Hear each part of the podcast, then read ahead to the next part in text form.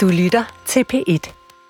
Rasmus, kunne du finde på frivilligt at gå ned i en ubåd og dykke ned i det kolde, mørke dyb? Ja, det kunne jeg godt. Det, det kunne jeg godt. Altså, hvis, hvis jeg stolede på, at øh, det var en øh, ordentligt bygget ubåd og med en øh, professionel besætning, så, øh, så ville jeg faktisk rigtig gerne prøve det. Okay. Altså for mig er det fuldstændig ubegribeligt, at nogen kan finde på at gå ned i en ubåd. Men vi skal tale om den i dag. Mm-hmm. Velkommen til Ubegribeligt.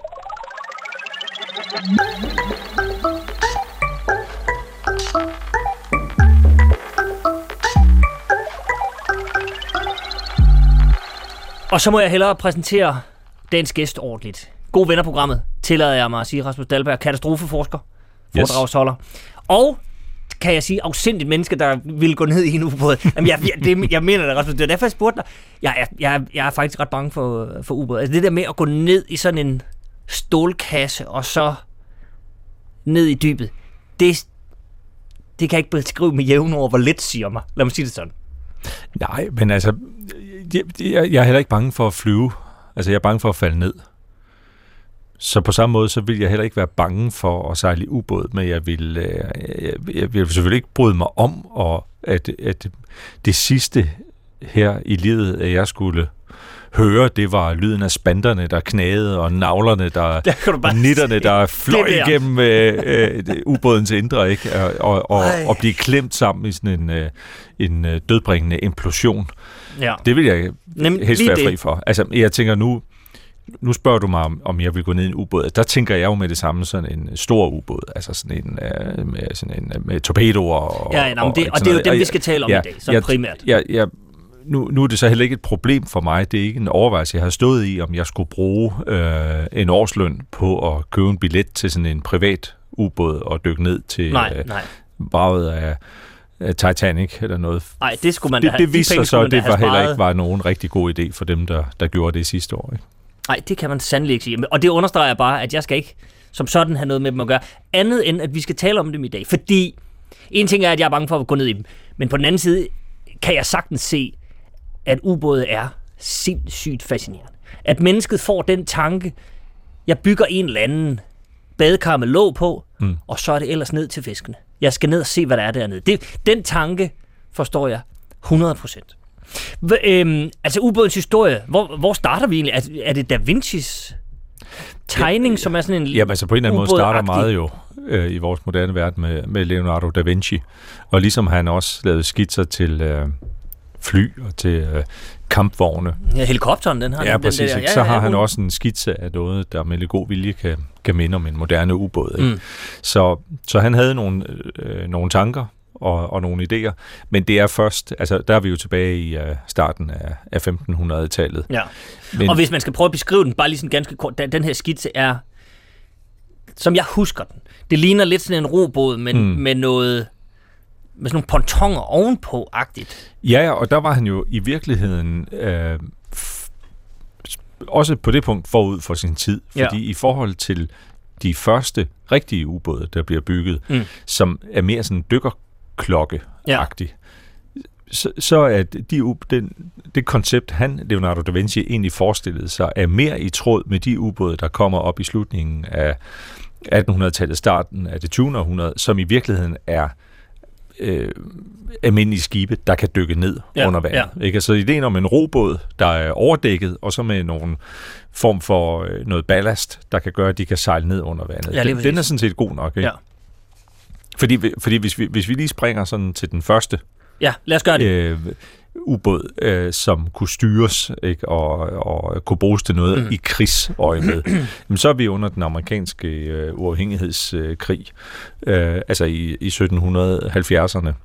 Og det, man måske skal have med her til en start, det er meget af sådan noget grej her, når det kommer til helikopter øh, øh, og, og den slags, er jo noget, der sådan har, der dufter lidt af, at det er militæret, der skal bruge det. Ja, men altså, der er jo ikke noget som krig og katastrofer til at drive øh, udviklingen frem. Ikke? Altså, der må man bare sige, øh, som, som historiker også, ikke? At, at krig har været en voldsom drivkraft for teknologisk udvikling. Mm. Fordi der, man kan, man kan jo et eller andet sted sige, at krig er den ultimative konkurrencesituation. Vi taler også om en international stormagtskonkurrencesituation i dag, lige ja. nu, ikke, hvor øh, USA og Kina og Rusland, de konkurrerer på teknologier, som kan øh, bringe dem foran i våbenkapløbet.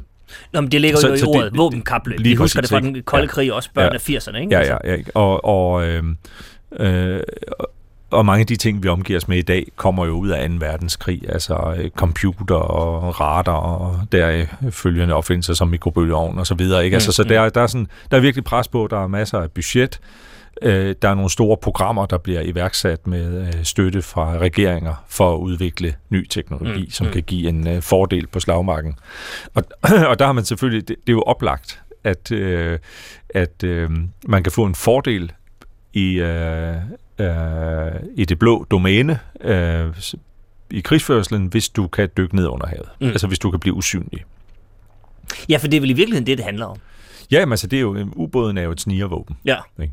Altså, du kan øh, bevæge dig uset, øh, du kan snige dig ind på fjenden, du kan ligge i det skjulte, øh, du kan slippe væk igen. Det er smart. Altså, det er jo i virkeligheden en form for stealth-fly under ja, ja. havoverfladen. Ikke? Så, så det er jo... Øh, det, øh, det er drivkraften. Ikke? Vi kan komme tæt på fjenden, uden at blive opdaget. Vi kan komme ind og lytte og, og kigge, øh, og vi kan rent faktisk også øh, fremføre våben. Så, så det, det er jo ligesom tankerne hos ham der, Dave Bushnell, som, øh, som vi møder her i 1770'erne, sådan en bondesøn fra Connecticut. Og der vil jeg gerne allerede indskyde, at da jeg læste det, der var jeg ret, jeg ved ikke, om jeg bruger chokeret, men det overraskede mig virkelig meget, at vi er helt tilbage i 1775. Da den første, jeg, tænkte, jeg indrømmer blankt, at jeg havde tænkt, men slut 1800-tallet, mm. der begynder de at, at få hovedet under vand -agtigt. Altså, at der sidder en mand i sådan en... Jeg prøver at beskrive, hvad det er, han bygger der i 1775. Jamen, det er jo dybest en tønde. Ja, det er sådan, det er sådan en tønde på, øh, på øh, sådan 3 gange 2 meter. Øh, ikke? Hvor, og der, derfor sagde jeg også dykkerklokke før. Ikke? Altså, ja. det, en dykkerklokke er jo sådan en, der hænger i en, øh, i et reb eller en wire og med en ballast, og så er den åben i bunden, og så er der luft inde i, og så kan du sænke den ned. Mm. Ikke? Og, og det kunne man jo så bruge til at, som en, en base, når man skulle dykke, ikke? så kunne man komme ind i den. Øh, så, så, så det her det er skridtet videre. Det er sådan en tyndeform, sådan, altså der, en tynde, der står op, ikke? Ja, ja. Øh, så sidder der en mand inde i, og så er den drevet af, af håndsving med, øh, med en lille skibsskrue på, ikke? og så nogle ballastvægte, som kan gøre... Altså dybest set er det jo, og det er jo også det, Da Vinci allerede er inspireret af, det er svømmeblæren i en fisk. Ja. Ikke? Altså, ja. øh, så du kan justere på massefylden af det her øh, fartøj, og så få den til at ligge stabilt øh, i vandsøjlen mm. på en eller anden dybde. Og så kan du så bevæge den øh, fremad og op og ned ved hjælp af de her øh, håndsvingsdrevne propeller. Ja. Så, det, så det er, og, og dem bliver så døbt Turtle, det her fartøj, som Dave ja. Bushnell øh, bygger sammen med, øh, med, øh, med sin bror. Og, og han, han er sådan en, øh, han er sådan en øh, lidt sjov fyr, Bushnell, ikke? Altså, der er virkelig godt begavet, og altså, man kommer der jo fra landet, ikke? Man kommer på universitetet og er optaget af naturvidenskab og øh, nysgerrig og sådan rigtig georgialøs type. Men så ser øh, øh, øh, vi er jo som sagt under uafhængighedskrigen, altså mm, hvor, mm, ja, øh, hvor øh, de her øh, gamle amerikanske kolonier, de gør oprør mod den, øh, den øh, britiske øh, kolonimagt. Og der ser øh, den militære ledelse fra oprørsstaterne så værdien af det her øh, fartøj.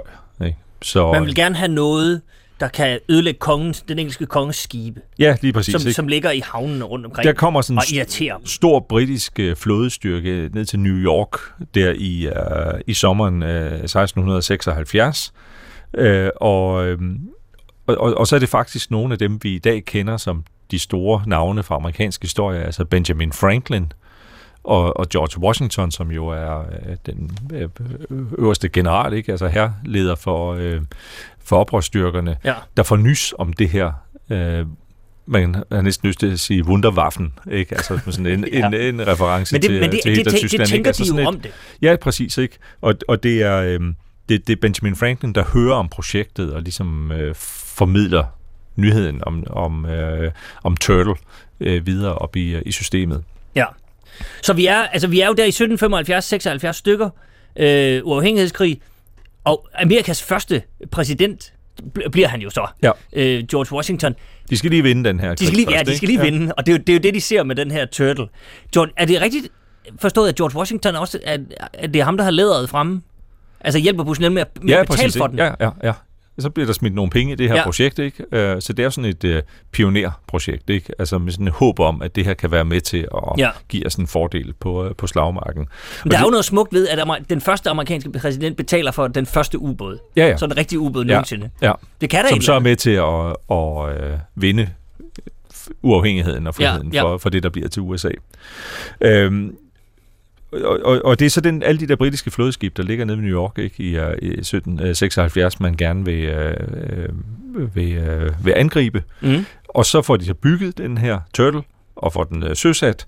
Øh, og, øh, og problemet er så, at øh, det er mod strømmen. De skal der ned på floden. Ja. Så, øh, så der er sådan, det var egentlig broren, David Bushnells bror Ezra, der skulle øh, sejle den øh, Ja, turtle. ja. Han bliver så øh, sjovt nok syg. Det kan være, at det har været øh, opportunt at lige øh, lægge en sygemelding. pjek- pjekketarmen lige den dag. ikke? Men det er også fordi, hvis man... Nu, nu beskrev du den før, og jeg, har også siddet og set lidt billeder, man kan google den. Der er nogle fine tegninger af den. Det er jo ikke et, et fartøj, der døgner afsted. Nej, det så er det der med, at de ja. skal ned ad en flod mod strømmen, og ligesom på en lidt længere tur, altså det er... De, fi- de finder sådan en, en øh, frivillig, ikke, Ja. der, der, øh, der kan tage Ezras plads, han hedder jo også Ezra, øh, og så går han ellers i gang med håndsvinget, og det tager sådan øh, to og en halv, tre timer mod øh, strømmen, Ja. øh, mens han sidder og, og hiver og, og slider i det inde i tønden der. præcis. Det Ja. er det, man lige skal huske. Ja. Øh, og, og kommer faktisk øh, derned, øh, og kommer også hen i øh, nærheden af det britiske øh, flagskib, et øh, øh, stort øh, sejlskib med kanoner, der hedder øh, HMS Eagle, og så har den jo en bombe med. Altså det er jo, øh, nu har vi ubåden, men vi har ikke torpedoen endnu, ikke? så det er jo sådan et spyd, der, der sådan stikker ud, ikke? Man kan sejle hen og, øh, og fastgøre med en, øh, en øh, den skal ligesom bores op i bunden. Ja. Altså, du skal forestille dig, at man simpelthen lirker den her tyndeformede primitive ubåd af træ ind under skibet, og så har man det, man ligesom kan jage op, og så skal man så bore den fast op i, øh, i, i bunden af, af skibet. Det er ikke sådan et fuldstændig øh, bombesikkert koncept, øh, det her. Og det, og det viser sig og det også er, at være... det er heller ikke super hurtigt. Det er heller ikke Altså, super det, hurtigt. Det er sådan rimelig ja. øh, Og der er også, øj, der er også mission. øjenvidner, øh, øjenvidneskildringer fra øh, skibet af besætningsmedlemmer, der synes, de hørte noget.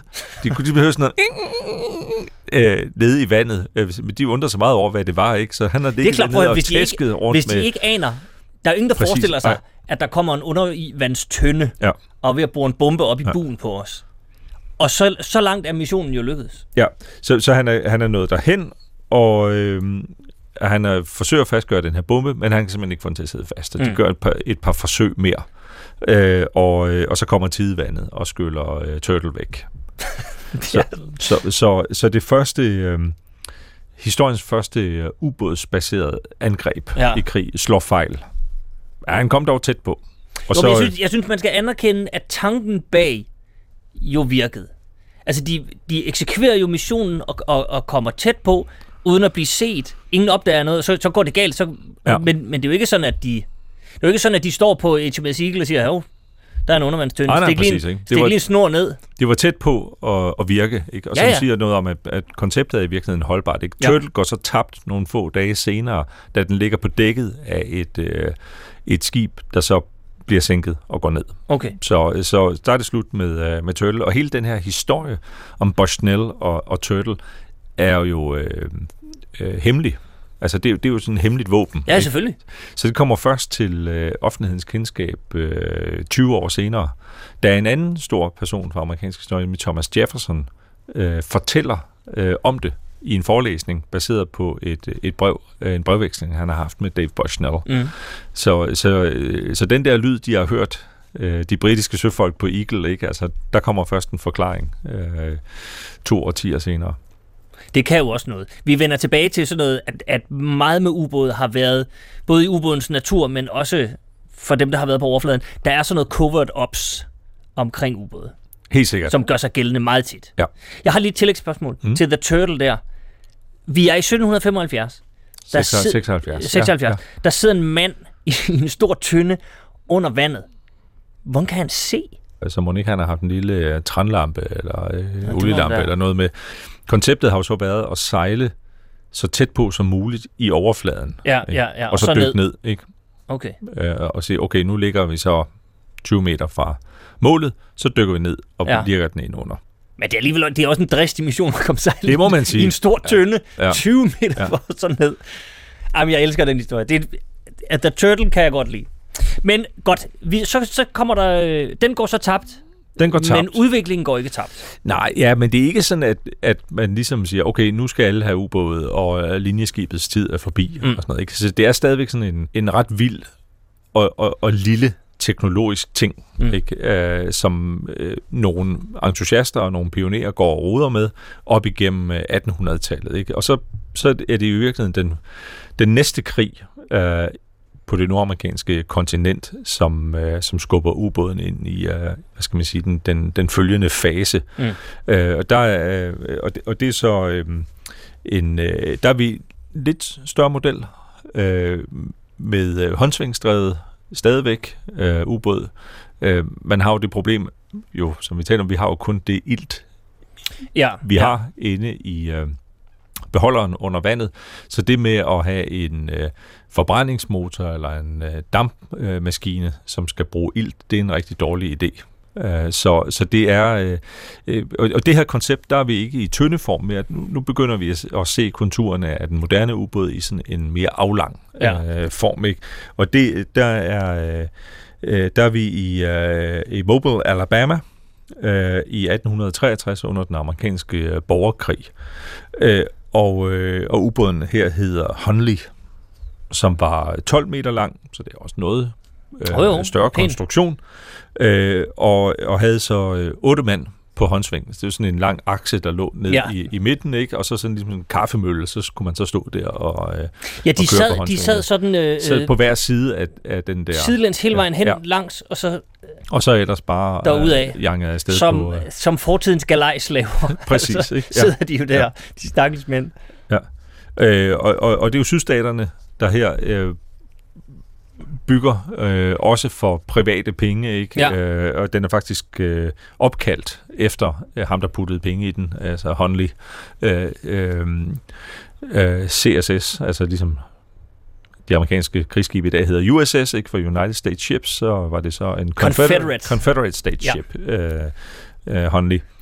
Øh, og, øh, og, og, og, og det, man skal bruge den til, det er at angribe blokadeskibe. Altså, nordstaterne har den største flåde, så de lægger øh, overlovsfartøjer ind for at blokere sydstaternes havne så de ikke kan få forsyninger fra for eksempel øh, Storbritannien, Mm. øh, der sejles ind. Så ligger der de her øh, blokadeskibe, og så, øh, så prøver man så at sejle ud, og det går, øh, det går galt øh, flere gange, og man, øh, man mister øh, flere besætningsmedlemmer, altså så, øh, så går den ned, og den bliver, øh, så drukner nogen, og dør iltmangel, og så bliver den hævet igen og sådan noget. Ikke? Så det er virkelig øh, learning by doing. Og det der er lidt...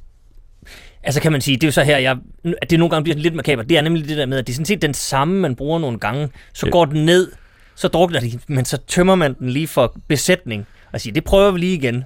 Og det er imponerende, at man øh, kan rekruttere nye, skulle lige til at sige, men, ikke? øh, men sådan er det jo i krig. Ja. Øh, og, og så øh, den 17. februar 1864, øh, det, det er altså midt med øh, under øh, øh, den øh, øh, anden slesvigske krig, Ja, der vi, raserer vi, vi, herhjemme. vi, ikke? har, vi har nok at se øh, til ved Dybel Mølle. Ja, præcis. Men, Men, øh, Derfor hører vi nok heller ikke så meget om det her i, i medierne. Ikke? Men Nej. der øh, gennemfører Hunley så det første øh, succesfulde ubådsangreb på et overfladefartøj i, øh, i militærhistorien.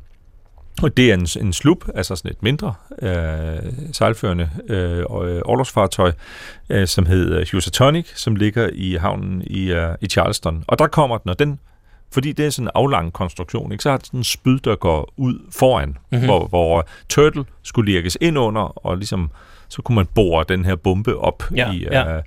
Øh, i, øh, i skibsbunden. Så kommer... Øh, øh, så skal man mere forestille sig Hunley som sådan en undervandsgalej. Nu brugte du selv øh, slaveudtrykket her, ikke? Med sådan et, øh, et øh, sådan en, en rambuk, sp- sådan en spyd, der stikker foran, Mm, mm, ikke? Så mm. man sejler ind, og så kan ligesom få den ind i skibssiden, og så sidder der en bombe øh, på den. Og det lykkes rent faktisk, og, øh, og den øh, eksploderer og øh, antænder magasinet ombord på Housatonic, som går ned, og fem mand omkommer. Men Honey går også selv ned. Så, så det bliver en selvmordsmission øh, i praksis, det her. Formentlig på grund af trykbølgen. Ikke? Altså, den er så tæt på stadigvæk, da målet eksploderer, at trykbølgen igennem vandet øh, får øh, øh, håndligt til at gå ned. Altså formentlig, at øh, besætningsmedlemmerne bliver slået bevidstløse, ja, ja. og så holder de op med at køre på så, jamen, det, vi, og så, så vi har stadigvæk det problem, at de her otte mand, der sidder i The Honley, jo, at det så hurtigt kommer, er, er bakgivet simpelthen ikke. Nej. Altså, Ja, så de kommer når ikke at komme langt nok væk, og, og sådan tryk forplanter sig jo kraftigt igennem øh, vandsøjlen. Ikke? Ja. Øh, så den går ned øh, med, med mand og mus, og bliver f- øh, først fundet i 1995, øh, og bliver derefter. Så det er jo så først der, man får at vide, hvad deres skæbne blev, og så ja, bliver den hævet, ja. og er udstillet i dag på et, øh, et amerikansk øh, marinemuseum.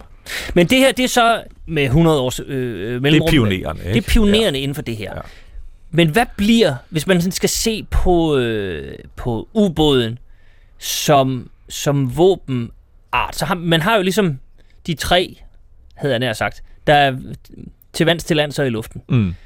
Og der, der bliver den vel en, en større og større faktor, som ja, tiden går. og det sker jo så op i slutningen af 1800-tallet. Altså i virkeligheden efter den øh, amerikanske borgerkrig, øh, hvor der sker en, en øh, forrygende teknologisk udvikling mm. øh, på området. Og det er der kun den moderne ubåd øh, begynder at træde frem. Øh, vi får også ubåd i, uh, i Danmark, i den danske flåde, i begyndelsen af, af 1900-tallet. Det er små, nærmest sådan torpedobåde-agtige øh, fartøjer, som så er i stand til at dykke ned under overfladen. Mm. Så, så man skal tænke på, at det er virkelig kendetegnet for første halvdel af det 20. århundrede. Der er ubåden et overfladefartøj, der kan dykke midlertidigt. Og, og det er også, hvis man tænker tilbage på øh, ubådsfilm fra 2. verdenskrig og sådan noget, ikke, så vil man også kunne se dem for sig, at de har sådan samme façon som et skib. Altså, de har en stævn ja, der sådan ja. er, er vinklet ligesom et, øh, et overfladefartøj. Så de er bygget til at kunne sejle, og de, kan også, de, de sejler meget, meget langsomt, når de, de er neddykket, fordi man løser jo det her problem med ilten ved at gøre dem batteridrevne.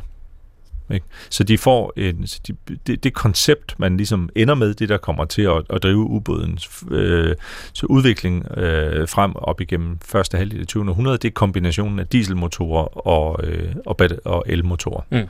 Så ligger den i overfladen og sejler som et almindeligt fartøj på dieselmotorer og lader så batterierne op, og så kan den så slukke dieselmotorerne, som jo skal bruge ilt til forbrændingen, og så dykke ned under havet, og så køre den på batterier. Men når de så er neddykket, så er de meget langsomme.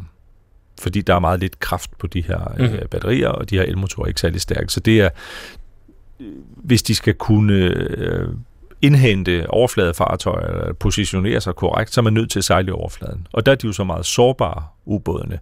Typisk havde ubåde også kanon på, fordi det, altså det, det foretrukne det klassiske våben for øh, ubåden er jo torpedoen, ja. som udvikles deroppe i, i slutningen af 1800-tallet også.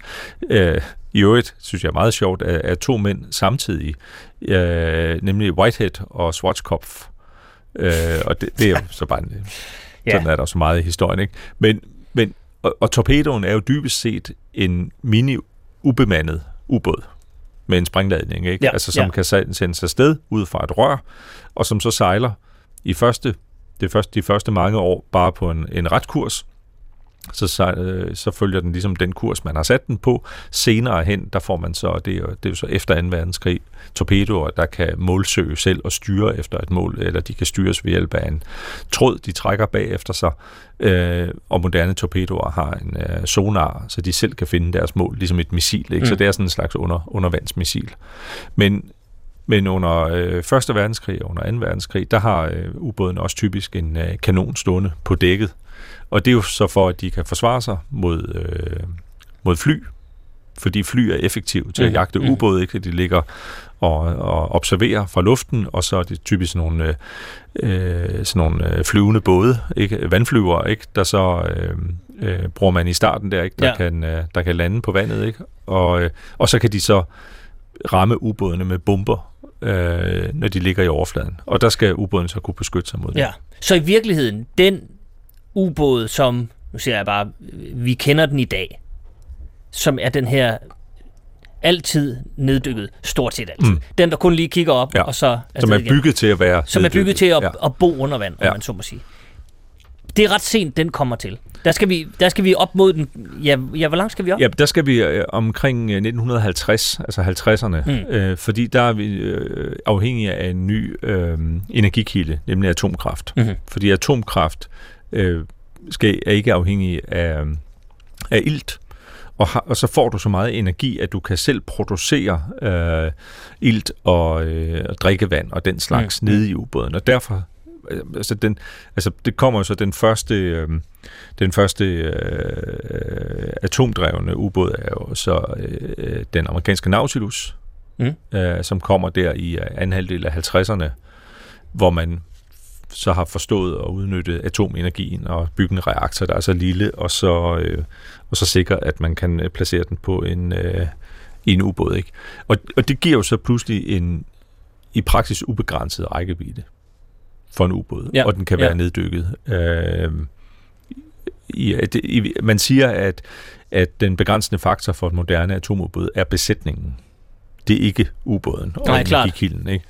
Og hvor meget, øh, øh, hvor meget øh, mad man har plads til ombord til Men, besætningen. men når, når du siger det, så har jeg nemlig noteret her, at jeg lige skulle spørge dig om, apropos min egen frygt for ubåde, det her med, at begrænsningen er besætningen.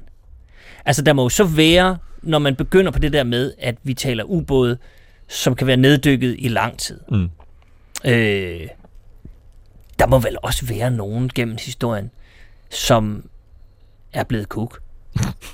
Nå, men du ved, som, er, som, som har fået eller sikkert. noget klaustrofobi, Og- eller og det- blevet et eller andet om... Og det er jo altid et godt tema for ubådsfilm, ikke? At Jo, er ja, ja, præcis. Ja, ja. Øh, jo, men altså, man har jo så rekrutteret øh, nogle lidt specielle typer øh, til ubådene, ikke? Altså, det, det var jo... Øh, vi er jo næsten nødt til at tale om deres båt. Ikke? Den, Ja, jamen, endelig. ubådsfilmen over alle Ja, ja, ja. ja. ubådsfilm, ikke? Og, og det var jo det var jo nogle vilde tabstal, der var for de tyske ubådsbesætninger. mm, Men der var ikke nogen problemer med at rekruttere til dem. Ikke? Altså, fordi det var, det var samtidig et sted, hvor du havde en... Øh, hvis, hvis du kunne holde ud, hvis man kom ud over den der grundfrygt, Ja, som ja. du beskriver også, ikke? Øh, så, så var der det øjeblik, når ubåden dykkede ned, og man havde lukket lugen, så var der et broderskab ombord. Der var ikke det samme hierarki, som der kunne være øh, Nej. øh, måske mest af alt i herren, men også på overfladefartøjerne, som, Mhm. mm-hmm. som er styret meget mere hierarkisk. Ikke? Fordi der var ligesom en... Øh, det kan godt være, at der var en, der var herr Karløjen, ikke, som var, var chef for ubåden, men de var alle i bogstaveligste forstand i samme båd. Alle var Og man kommer meget tæt på hinanden. Jeg ved ikke, har du været ombord på sådan en museumsubåd? Nej, Så nej, der nej, nej, Jeg har nej. jo sådan en... Kan jeg forsikre dig, ikke har? Nej, det kan jeg faktisk godt anbefale. En, en, øh, jeg er jo heldigvis rigtig godt øh, gift her i anden runde øh, med en hustru, hvis yndlingsfilm er Der Sport i den lange udgave, den rigtig lange øh, udgave. Ja, Så, der har, så, du, der har du der har ramt jeg med med skudt papegøjen, ikke? Så, øh, så vi tager tit, øh, når vi er ude at rejse, så skal vi lige forbi og se en ubåd. Så vi har været på Nautilus, som ligger øh, over i, øh, i New England, i, øh, i, i Groton. Øh, og, og senest her en, øh, en gammel øh, sovjetisk ubåd, der ligger i Hamburg, som er meget spændende også. Den tror jeg ikke, du skal starte med, for det var forholdsvis trangkår, man skal kravle rundt ned i og sådan noget. Ikke? Men, Nej, det skal jeg ikke. men, øh, men det er, øh, det er, øh, det er fedt, ikke? Og man kan se, men... øhm, nå, synes nu, bare- nu jeg synes bare, jeg alt fra, det her- hvad var det, vi talte om? Jeg synes bare, Det her, vi har fået en understregning af, at der findes soulmates. Det gør der, ja. Altså det, ja. det synes jeg, det er det, der... Ja. Nej, men det, det jeg spurgte om var, om det her med, der må jo være nogen, der bliver kugterne. Ja. At, at, at man vel, og det, det bekræfter deres sport selvfølgelig, men, men Nå, ja, ja, ja, nu, ja, ja, præcis, ikke? Fordi det er der, jeg vil sige, man, man, rekrutteringen. man, de, man, man, man fik et meget tæt forhold til hinanden. Ja. Ikke? Så var der måske øh, et, max øh, to meget primitive øh, toiletter. Mm. Øh, stort set ingen badefaciliteter. Så der har øh, efter øh, et par døgn øh, på havet, og især i neddykket tilstand, så har der lugtet rigtig dårligt. Øh, altså en blanding af, af sådan lidt øh, syredampe fra batterierne, øh, dieselolie, som ligger øh, nede i, i bunden af, af, af maskinrummet, ikke? Ja. Og, og, øh, og så sved og øh, virkelig øh, mandekroppe. Ikke? øh, så Så er det et vidunderligt sted. ja, så det er et broderskab, ikke? Altså man, Ja. man, hvis man læser de gamle beretninger her fra 2. verdenskrig, altså Lothar Gunther Buchheims bog, som Der Spot bygger på, for eksempel, ikke? Altså så det var jo sådan noget, jeg er jo tidligt skadet, altså det var sådan noget, jeg læste i folkeskolen, den slags Ja. ja. øh, litteratur, ikke? Altså som er meget sådan malerisk i sin beskrivelse af øh, øh, lugten og støjen, og hvor tæt man er. Altså, man laver det, der hedder hotbunking, fordi der, Ja. der er ikke køjer nok til alle øh, på en ubåd. Når så man roterer. Man roterer, så du får altid en varm køje, ikke? Det er det, man, Ja. ja. det kommer af, ikke? Øh, så der var så typisk, øh, så er der måske tre mand om at, at dele Ja. køje, ikke? Fordi man kører i, øh, i tørn af otte timer. Og den er, den er jo sikkert dejlig lun, men den er lun af en årsag. Den er luna en årsag. Det er det, man kalder, det tror jeg, at nogle fagfolk kalder den hollandske ovn. men det er så, lad, nu synes jeg, det er, vi har taget en drejning. Det, det vil jeg tage en drejning, det er. På en eller anden ja, måde. Ja. Nå, men det var også bare lige for, der, der, det må have været nogle, nogle særlige typer, og nogle Ja. går lidt kuk. Men til gengæld er det jo også... Men du, du sagde det her med rekruttering. Ja. Ikke? Altså, der var en af de store skikkelser i uh, nyere tids uh, ubådshistorie, er den amerikanske uh, admiral uh, Hyman G. Rickover. mm-hmm. Og han var virkelig en, uh, en character. Og han, øh, han byggede øh, den amerikanske atomflåde op. Det var ligesom hans øh, ting, ikke? Og, sådan Mm. noget. og især atom øh, undervandsflåden var, var hans øh, hjertensbarn. Og det, det siges, at han øh, personligt interviewede samtlige øh, mennesker, og det var så kun mænd dengang, som skulle øh, gøre tjeneste i atomubådene. Altså simpelthen personligt Ja. personlig jobsamtale med alle for at se dem i øjnene, øh, fordi de skulle ned og betjene hans øh, værdifulde teknologi, Klart. men han skulle også se dem i øjnene for at være sikker på, at, øh, at de var af den rette støbning. Men han, om nogen har han vel også vidst, hvad det krævede så, ikke? Det, det kan jeg på en måde... Det kan jeg på en måde godt se. Ja, ja, og, og det, det, han gjorde det også meget godt jo. Han, selvom han, han var lidt øh, svær øh, gemyt, havde han øh, ry for. Øh, Reagan øh, ville fyre ham. Øh, da han, var, han er født i år 1900, og så var han stadigvæk admiral der i øh, 80'erne under Reagan, ikke? Ja. og han var meget magtfuld. Og så Reagan øh, forsøgte at fyre ham. Øh, Det lykkedes ikke øh, på et møde. Reagan måtte give op og give chancen til sin øh, flådeminister i, øh, i stedet for, fordi han ville bare ikke acceptere en, en fyring, øh, Rick over der. Øhm, men det lykkedes jo rent faktisk at bygge en sikkerhedskultur op, der gjorde, at USA ingen ulykker øh, havde på øh, atomubåde, som var relateret til reaktor. Altså de, de atomubåde, de mistede. Øh, det var øh, USS Scorpion og USS Thresher, og det var begge implosionsulykker, øh, ulykker, altså hvor ubådene øh, kollapsede Kollapser af tryk over sig selv. øh, Ja. ved øh, konstruktionsfejl eller mm-hmm. Mhm. ved, ved, ved fejl i ventiler. Okay. Men så lad os dvæle lidt ved det, fordi det er jo, det er jo min bekymring, det er, at det går jo galt. Altså, Mm. der er jo nogle berømte, berygtede eksempler på, at det, det går galt. Og Du har taget, du har taget et par stykker med. Øh, der er den her Squalus, tror jeg, den hedder. Ja. Squalus. ja fint. Øh, ja, som, øh, som er en, øh, en amerikansk øh, Sargo-klasse ubåd, øh, som er på, øh, altså sådan en typisk ubåd fra en verdenskrig. Mhm. Øh, som er på prøvedyk. Øh, den er helt nybygget i 1939 i maj måned, og så er der en ventil, øh, der fejler. Altså man, man lukker jo som vi talte om tidligere, det her med svømmeblæren. Ja, ikke? ja. Altså, øh, du kan lukke vand ind i ubåden, og så kan du med komprimeret luft så presse det vand ud igen, for at gøre den tungere eller lettere, for Ja, at få den ja. balanceret i, i vandsøjlen. Og, de, og derfor kan, er ventiler altid en øh, akilleshæl for ubåden. Ikke? Det er Fordi klart. hvis sådan en fejler, så kan du ikke få vandet ud, eller der kommer for meget vand ind osv. Det er også det, der sker. Så, øh, så der er en, en, en ventil, der, der fejler, øh, så der kommer vand ind i, øh, i maskinrummet. Øh, på, på Squalus, og der er 26, der drukner.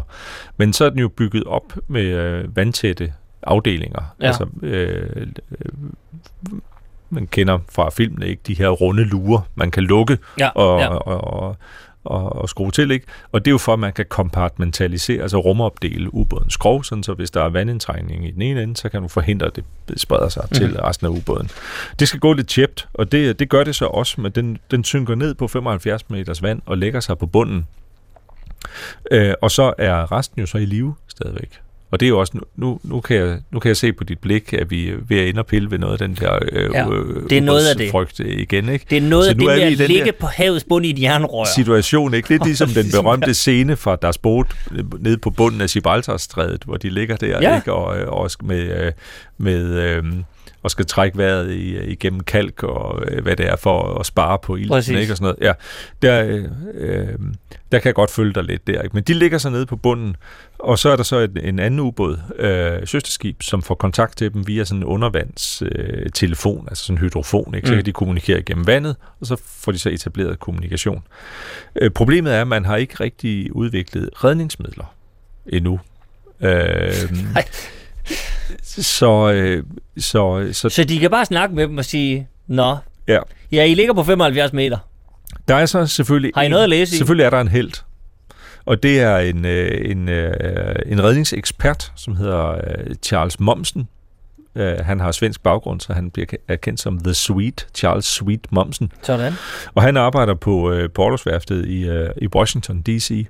Og der har han, selvom øh, han, han har udviklet sådan en, øh, en redningsdykkerklokke Mm. mm. til ubåd, men det er der ikke nogen, der har givet put penge i, så han er gået sådan lidt stille med dørene, og så har han alligevel udviklet lidt på det. Pludselig så ringer de til ham, ikke? Fordi hvem har Momsens nummer, ikke? Call the ham. sweet. Præcis, ikke? At det er simpelthen som, som taget ud af en, en halvdårlig film. Det ja, her, ikke? Sådan noget.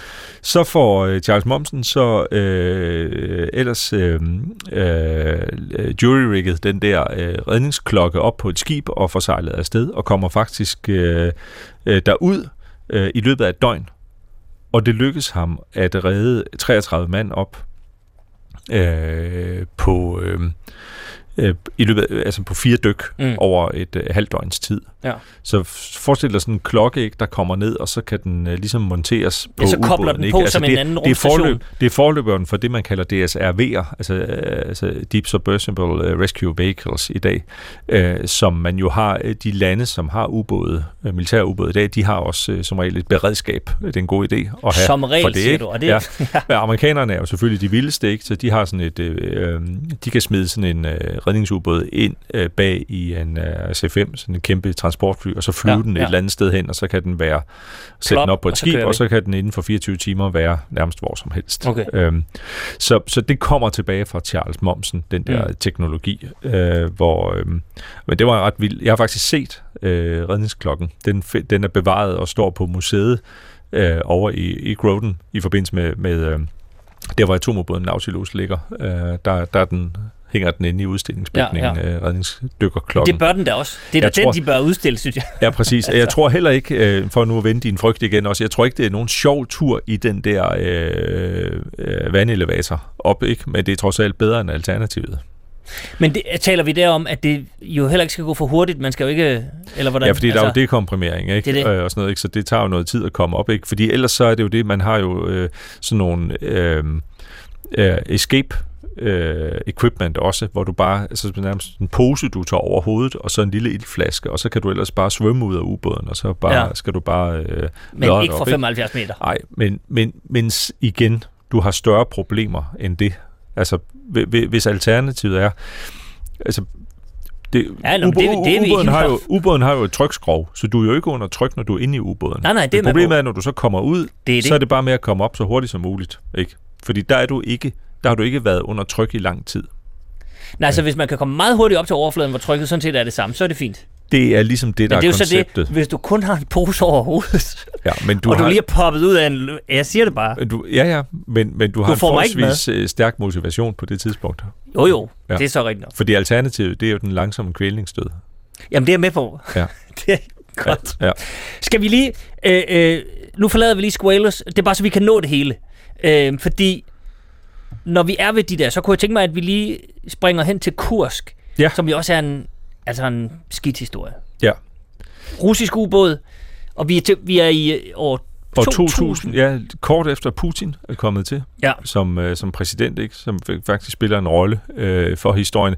Det, øh, Kursk er sådan en Oscar 2-klasse. Det er sådan en kæmpestor missilubåd. Det er ikke mm. En ballistisk missilubåd. Det er ikke en af dem, der sejler rundt med øh, ligesom øh, Røde Oktober øh, med sådan nogle atommissiler. Mm. Mm. Øh, det er en, øh, det der hedder en SSG'en, man skal jo kunne sin forkortelse, Det skal- ja, man, det som skal jeg man. arbejder i forsvaret, ikke? Ja. Så det er jo SS, det er ubåd, og G er guided missile, det vil sige, det er antiskibs, det er sømålsmissiler, så den har missiler med, der kan ramme, det er sådan en hangarskibsdræber, Okay, og når så end til sidst, så er den atomdrevet. Så øh, nuclear. Godt. Ja. Yes. de andre hedder SSB'en, hvis de har sådan nogle ballistiske missiler ombord. Så det er sådan en rigtig stor, tyk base mm. ikke, Mhm. med, med, med alle de der missiler. Den, øh, den er så på en øvelse oppe i Barentshavet, og så er der en, formentlig en øvelsestorpedo, altså sådan nogle torpedoer, man kan bruge til at skyde afsted, men som ikke har sprænghoveder i, mm. øh, som øh, overopheder, og som, øh, hvor brændstoffet eksploderer.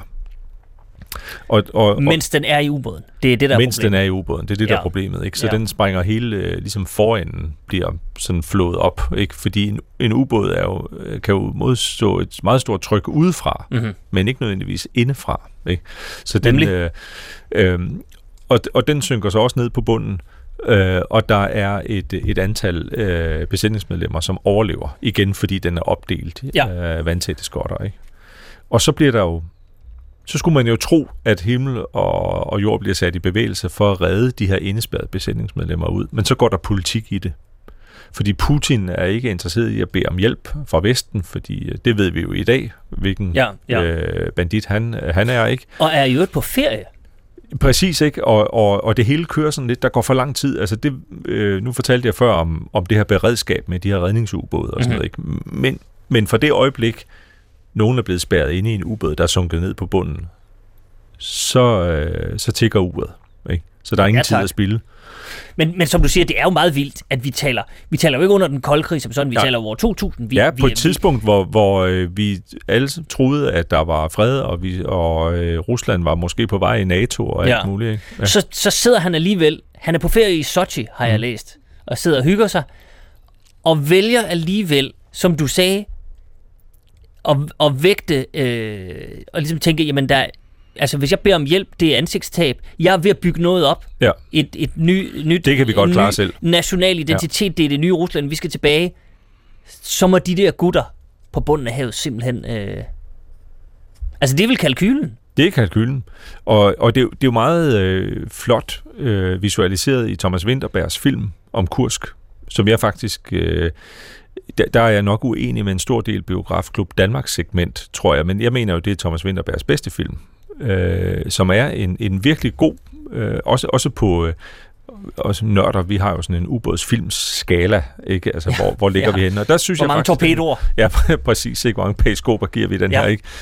Øh, jeg synes faktisk, den er, den er både meget flot, og den er meget gribende også, men den, den giver også meget godt billede af, af den her magtkamp, og den her øh, frustration fra Vesten over ikke at kunne øh, få lov til at øh, komme til assistance. Jamen, det, er jo en helt, det er jo en helt absurd historie. Men, men lad os vende tilbage til, der sidder...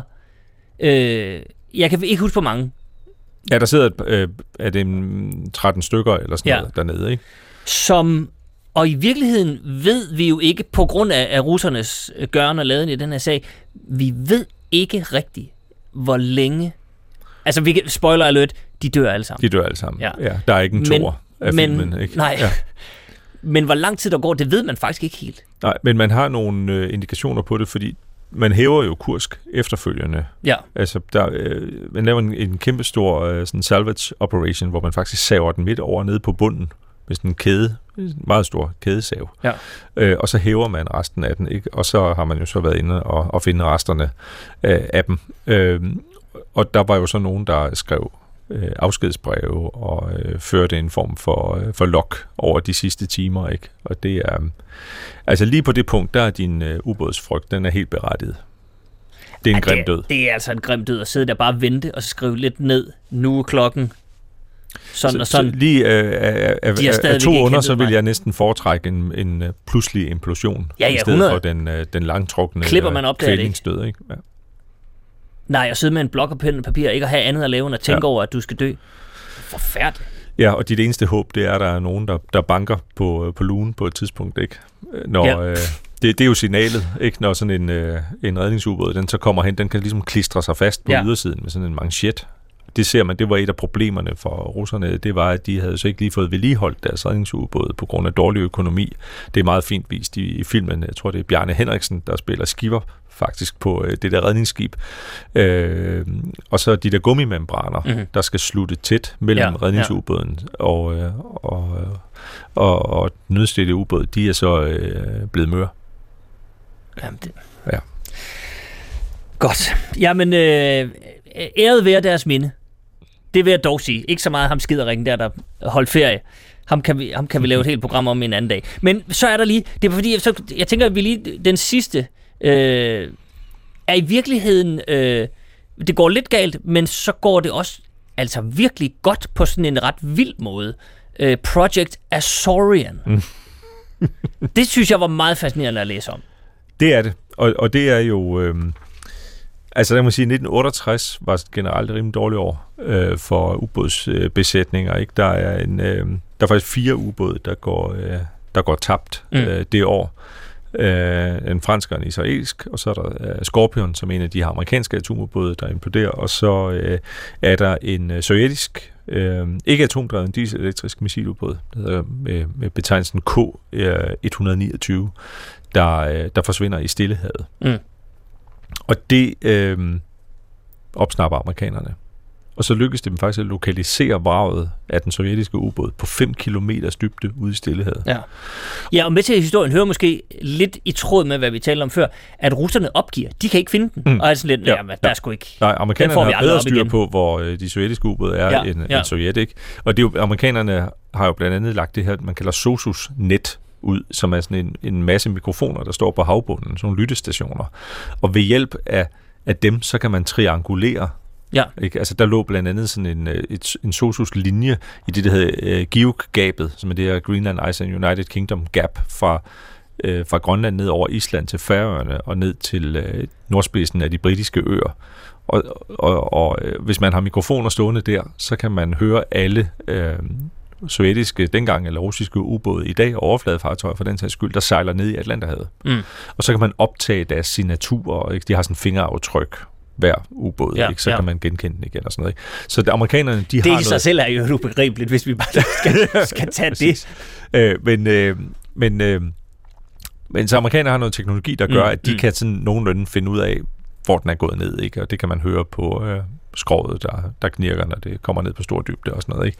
Så, øh, så de, de finder ud af, hvor den er, og så laver man sådan et, et CIA-projekt, som er, er, er det her projekt Azorian, som er helt vildt, hvor man går i kompagniskab med Howard Hughes, ham den ekscentriske øh, rigmand, der byggede det der kæmpe store øh, øh, fly af græntræ også. Øh, han, var, han var meget ekscentrisk mand. Meget Film, ekscentrisk. Filmskaber, øh, ja. på et tidspunkt USA's rigeste mand. Ja. Øh, total... Øh, Hygiejne, øh, fanatiker. Ja, fuldstændig. Ja. Han var sådan, altså, ville bare, han ville ikke røre ved nogen, boede nærmest i en boble, endte sine ja. dage som en meget mærkelig, langskægget, langneglet øh, enebord. Ja, han var sådan Helt lidt øh, Simon Spies øh, underlig, ikke? Altså meget ja. begavet og meget mærkelig, ja. øh, også på, på samme tid, ikke? Måske uden helt så mange morgenbolddamer, det, det, det, det tror ja, jeg dem ville han vel heller ikke røre ved, Nej, for han var så forskrækket. Ja, og der er jo en god film med Leonardo DiCaprio i hovedrollen. Det er en, det er en glimrende film, øh, ja. Om, øh, om Howard Hughes, som kan anbefales.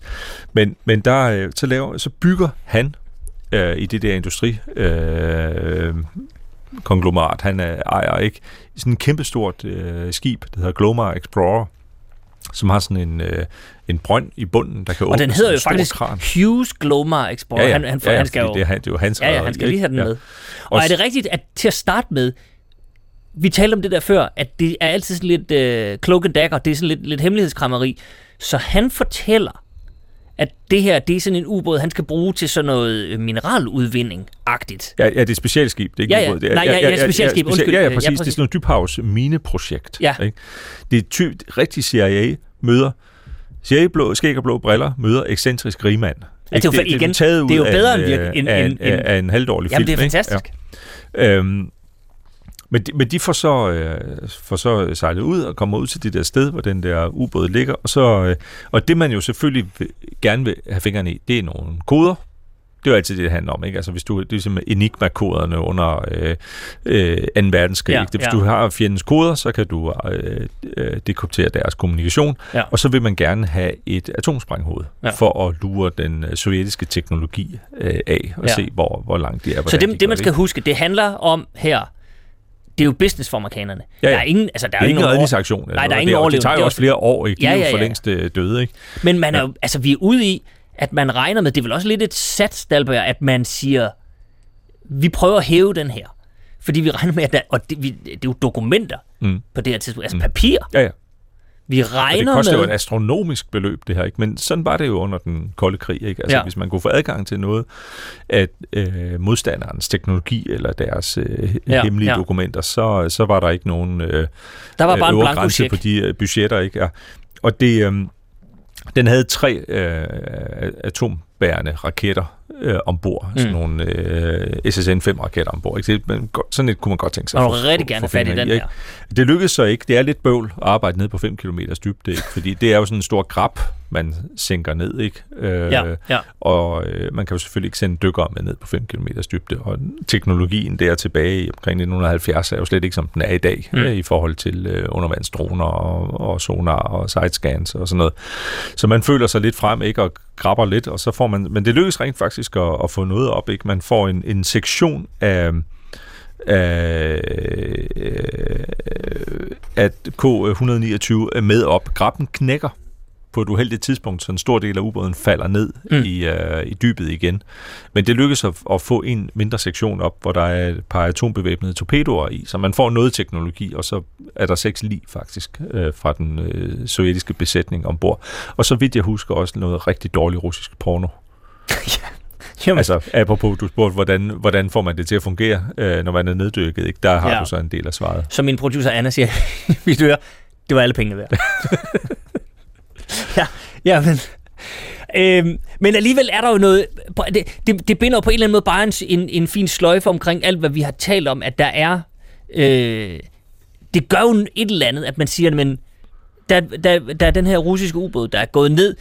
Nu satser vi hele butikken. Det koster sindssygt mange penge. Vi taler jo milliarder i dagens øh, valuta for at få bygget det her skib, hvis eneste formål er at hente en ubåd, der ligger på havets mm. bund. Altså, der er jo noget teknologisk udvikling i det, og der, der, der er noget... Altså, det, det, det er jo ret vildt.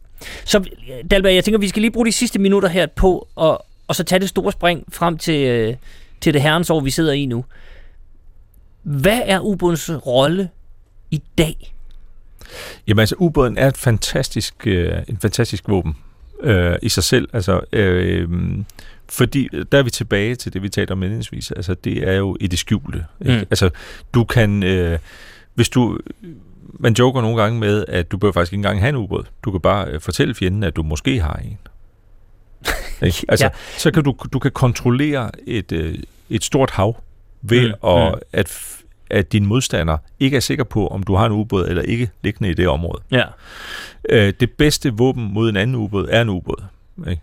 Altså, fordi det er svært fra overfladeskibe Ja, ja, at man må finde være dernede. ikke? Fordi der er det her med, så er der saltlag og temperaturlag i vandet, du kan gemme dig under og sådan noget, ikke? Og, og øh, du, øh, Danmark havde stor glæde af øh, vor- vores ubåde under den kolde krig, fordi de kunne operere. Øh, vi havde sådan nogle små dieselelektriske ubåde, ikke? Hvor amerikanerne og Sovjet, de havde store atomdrevne ubåde, Mm. der er bygget til at sejle ud på stor dybde og på de store oceaner. Men, men vores var små dieselelektriske, som var velegnet til at operere i øh, Østersøen, hvor der er relativt lavvandet kunne snige sig ind. Altså, der har jo ikke været en Varsava-pagt flådeøvelse under den kolde krig i Østersøen, uden der ligget en dansk ubåd lige ved siden af og, og taget billeder og sniffet radiokommunikation. Mm, altså, så mm. ubåden er også et meget vigtigt efterretningsredskab. Og det, Klart. at du kan sejle tæt på land uset og øh, landsætte specialoperationsstyrker, der så kan kravle i land. Ikke? Altså, man kan jo sende, du behøver ikke engang dykke ud, de kan kravle ud igennem torpedorørene. Der skal man heller ikke have for meget øh, klaustrofobi, hvis man skal det, ikke? Nej. Øh, Jeg prøver, det, du kommer ikke til at være mig til noget. Nej, nej, så nej, det, det ved jeg godt, ikke? Men sådan en kombination af frømandskorpset og, Ja, ja, ja. Og, og en ubåd, ikke? Øh, så kan du rigtig, rigtig... Men det er et, et, og det er et relativt billigt redskab, fordi der er, der er en meget lille besætning på en ubåd, typisk. Ikke? Altså så er der måske 20-25 øh, mand, øh, Ja, hvor du ja. kan have øh, 100 eller 150 mands besætning på et øh, overfladefartøj. Klart. Men altså, som lige det sidste. Al andet teknologi udvikler sig jo også. Mm. Så det her med, at ubåden er usynlig, holder det, no pun intended, holder det vand i dag? Jamen altså, den er jo, øh, ja, det det er den jo, hvis ikke du har øh, øh, den teknologi, der skal til for at finde dem. Ikke? Altså, det er svært at finde. Havet er stort og mørkt og koldt, ikke? så der er mange steder at gemme sig. Ja. Øh, sonar, altså lydbølger, ikke, har langt kortere rækkevidde end radar i luften, ikke, som er radiobølger. Mm, ikke? Så, mm. så du, det er meget sværere at overvåge et stort område. Du skal bruge mange skibe med øh, slæbesonar, altså med mikrofoner på øh, wire, der hænger ned bag ved skibet, og du skal have lytteanordninger på bunden, du skal have fly og alt muligt. Ikke? Så, så øh, det, det binder en, en ubåd kan binde en frygtelig masse ressourcer hos din modstander. Og det er sig Derfor selv, er det effektivt. som du, ja, som Ja, du var inde ja, på. ja. Jeg Og så er det klart, at teknologien udvikler sig hurtigt. I dag der bruger man det, der hedder AIP, som er sådan nogle øh, dieselelektriske ubåde, som øh, er luftuafhængige. Øh, sådan teknologi, altså Mm, mm, tyskerne mm. er rigtig gode til at bygge øh, sådan nogle ubåde, så de kan være neddykket i meget lang tid, selvom de ikke er atomdrevne. Og så kan de være meget, meget lydløse. Og, øh, og det, så det er, øh, der, der har teknologien forandret sig meget. Det, der er det store paradigmeskifte, det er jo så ubemandede ubåde, altså undervandsdroner. Fordi hvis du kan gøre det, så kan du slippe for, så kan du slippe for at komme ned i en, ikke? Så behøver vi ikke nogen besætning. Så, Perfekt. Perfekt. så kan man sige, løsning. altså autonome undervandsdroner, øh, droner, der øh, ved hjælp af kunstig intelligens selv kan, øh, du sender dem bare afsted, og så kan de afsøge et område, og så kan de medføre våben. Altså, altså i virkeligheden droner, som vi kender fra luften, men under overfladen. Det er ligesom det, der er den nye store Ja. ja. ting lige nu, Okay. øh, teknologisk for Okay, alvor. okay. Men der siger jeg bare, at du tydeligvis ikke har set den nye uh, Mission Impossible, hvor der er noget AI, der overtager sådan en, og det går helt i kage, Rasmus. Ja. Så det, men den kan du se med din kone, Den glæder mig til. så kan I se, ja, ja, så kan I ja, ja. se der ting går det. Jeg er ikke helt tryg ved det der i, så det er, Nej, det, det- er, det, er det så er- det, er min angst er. Det er vi, det er vi flere, der heller Ja, ikke det er. godt. Ja. Men jeg vil sige, øh, du får mig stadigvæk ikke lukket med ned i en ubåd, men du har, og det vidste jeg godt, du ville, fået mig overbevist om, at det er en fascinerende størrelse. Prøv lige en af de der museumsubåde. Jamen, jeg skal nok. Labø nede ved Kiel, der ligger sådan en type 7, sådan for den deres boat. Den ligger op på land. Ja. Du kan gå ind i siden på den. Jamen, jeg må lige se, fordi jeg, jeg er altså ikke så godt gift lige på den konto. Men jeg skal... Så må du tage jeg, med mig. Jeg skal, det vil jeg gerne. Skat, jeg skal på ubådstur med Rasmus. Jeg kan simpelthen kan ikke sige, være hvad vi skal, Nej, ja. et eller andet. Hvis du sidder derude og øh, også er meget fascineret af ubåd, så vil jeg sige som det sidste, øh, at Rasmus Dahlberg, han har begået en øh, hel serie om ubåd. Den ligger tilgængeligt over hos vores venner på øh, Podimo, og den hedder Under overfladen. Så hvis du vil endnu længere ned i det kolde mørke og banke på stålet, så, øh, så er det sted din ven. Øh, for mig vil jeg bare sige uh, tusind tak, Rasmus Dahlberg. Det er altid en fornøjelse. Tak fordi du kom. Stor fornøjelse. Gå på opdagelse i alle DR's podcast og radioprogrammer. I appen DR Lyd.